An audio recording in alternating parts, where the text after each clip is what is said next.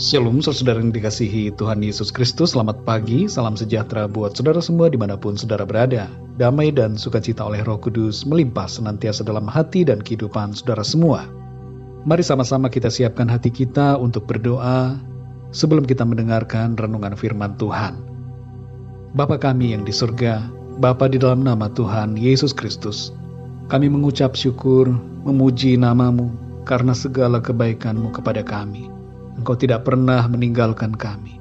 Selalu Engkau beserta dengan kami dan memberikan kami kekuatan dalam segala keadaan. Terima kasih untuk pagi ini. Terima kasih untuk berkat-Mu, kesehatan dan kekuatan yang Tuhan berikan kepada kami. Saat ini ya Tuhan kami mau mendengarkan kebenaran firman-Mu. Berbicaralah kepada setiap kami. Berikan kami hati yang mengerti untuk dapat memahami akan firman-Mu. Dalam nama Tuhan Yesus kami berdoa. Haleluya. Amin. Saudara yang dikasih Tuhan, ayat renungan kita pada saat ini terdapat dalam Injil Lukas pasal 8 ayat 24 sampai 25. Tertulis demikian. Maka datanglah murid-muridnya membangunkan dia. Katanya, Guru, Guru, kita binasa.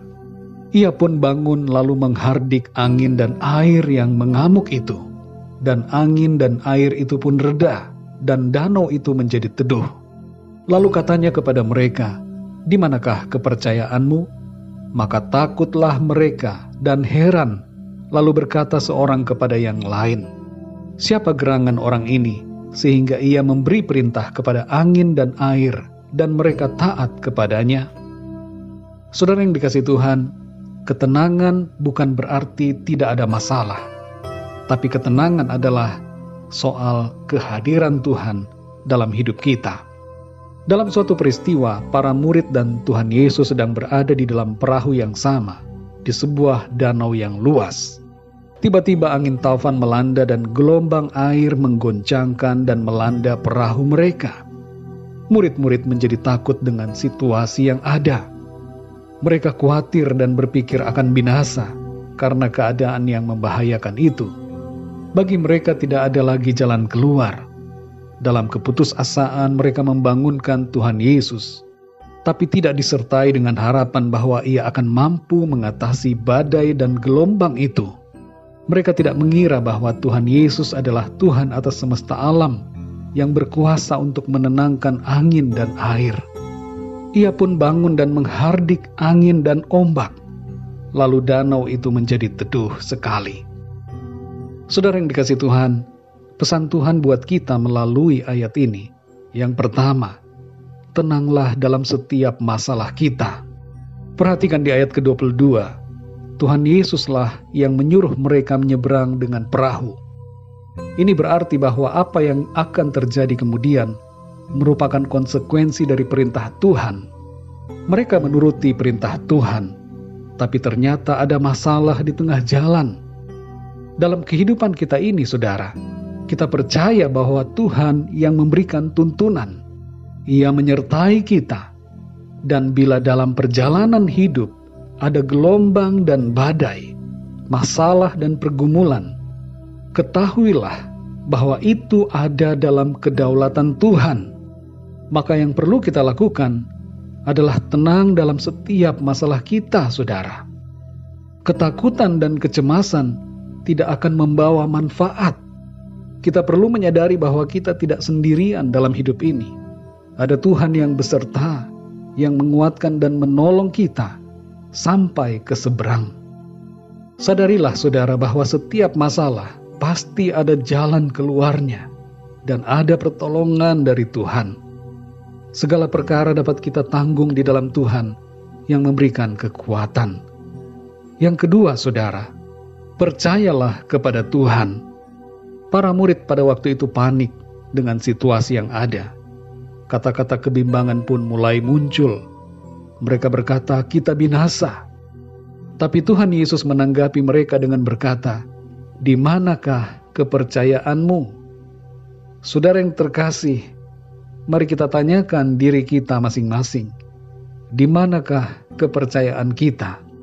Apakah kita meletakkan iman percaya kita di perahu seperti para murid atau di pekerjaan kita, di usaha kita. Kita taruh iman kita pada manusia, pada kepandaian kita, kekuatan kita.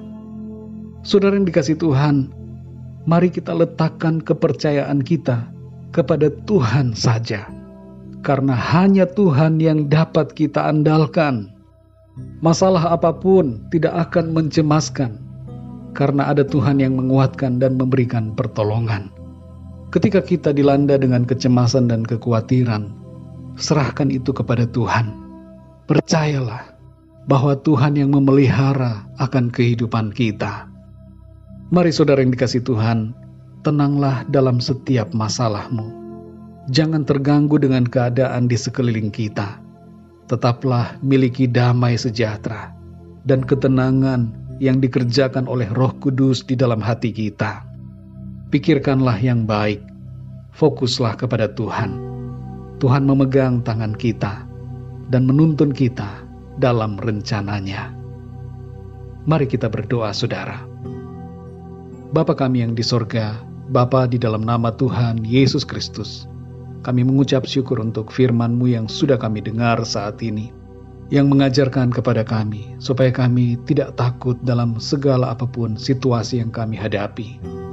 Persoalan dan masalah yang Tuhan izinkan terjadi tidak untuk membuat kami tenggelam dan binasa, tapi tangan-Mu Tuhan akan senantiasa menolong kami, memberikan kami kekuatan dan jalan keluar.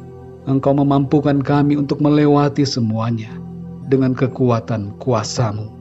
Ajar kami Tuhan untuk tetap percaya kepadamu, tetap tenang dalam segala situasi apa pun yang melanda kehidupan kami.